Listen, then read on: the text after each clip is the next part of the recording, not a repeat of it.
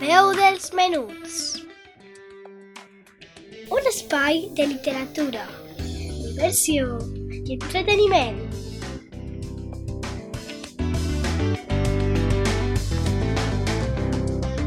Amb Laia Esteve.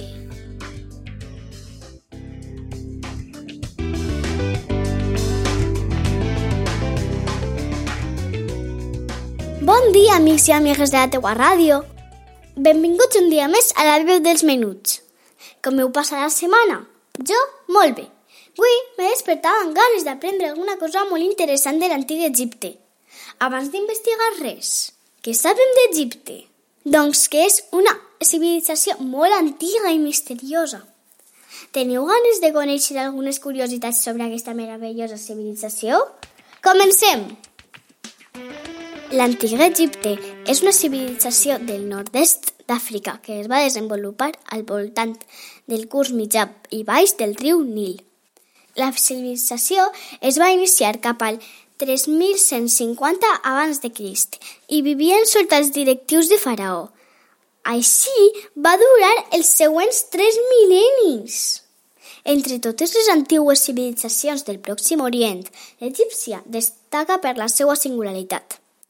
El domini dels faraons va acabar l'any 31 abans de Crist, quan l'imperi romà, liderat per August, va conquerir Egipte.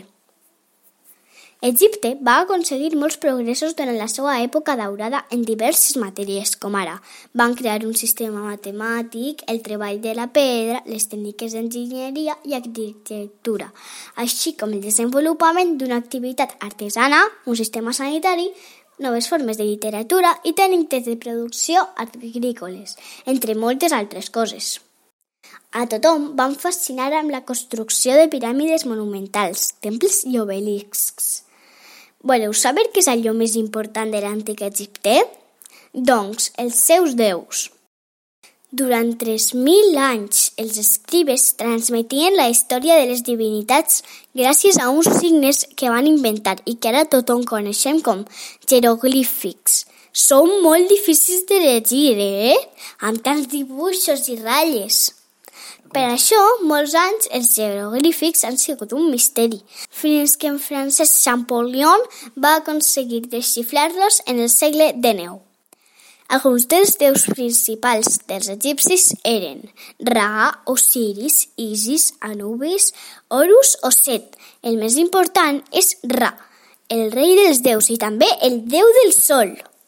Osiris és el déu dels difunts Isis era una deessa maga amb grans poders, i així moltíssims déus més. Per als egipcis, l'aire, el cel, la terra, tot està habitat pels déus i es troben entre la població dia rere dia. Per la seva banda, es pensava que els faraons també tenien poders i funcions típiques dels déus, que eren els qui havien anomenat faraons. Entre tots ells destaquen alguns molt famosos, com Amenofis, Tutankamon, Ramses II o Cleopatra, de la qual han fet moltes pel·lícules. En concret, fa 3.500 anys va viure Hatshepsut, una de les primeres grans sobiranes conegudes d'aquesta fabulosa civilització. Va regnar quan més riquesa i poder tenien. A poc a poc, Hatshepsut va aconseguir ser la faraona de tot el regne. Va haver de lluitar molt per mantenir el seu poder. Era molt intel·ligent, va fer millores en molts temples egipcis que ara coneixem.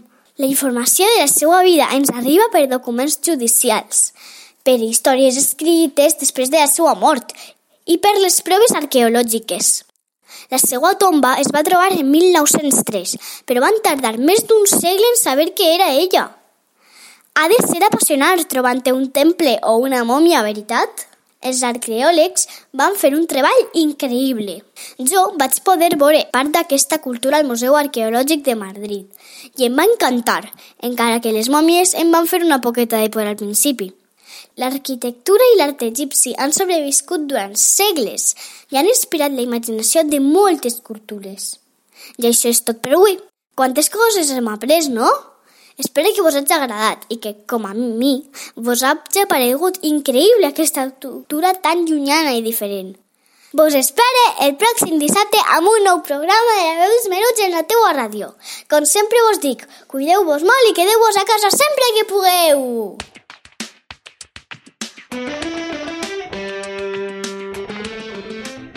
veu dels menuts. Un espai de literatura, diversió i entreteniment.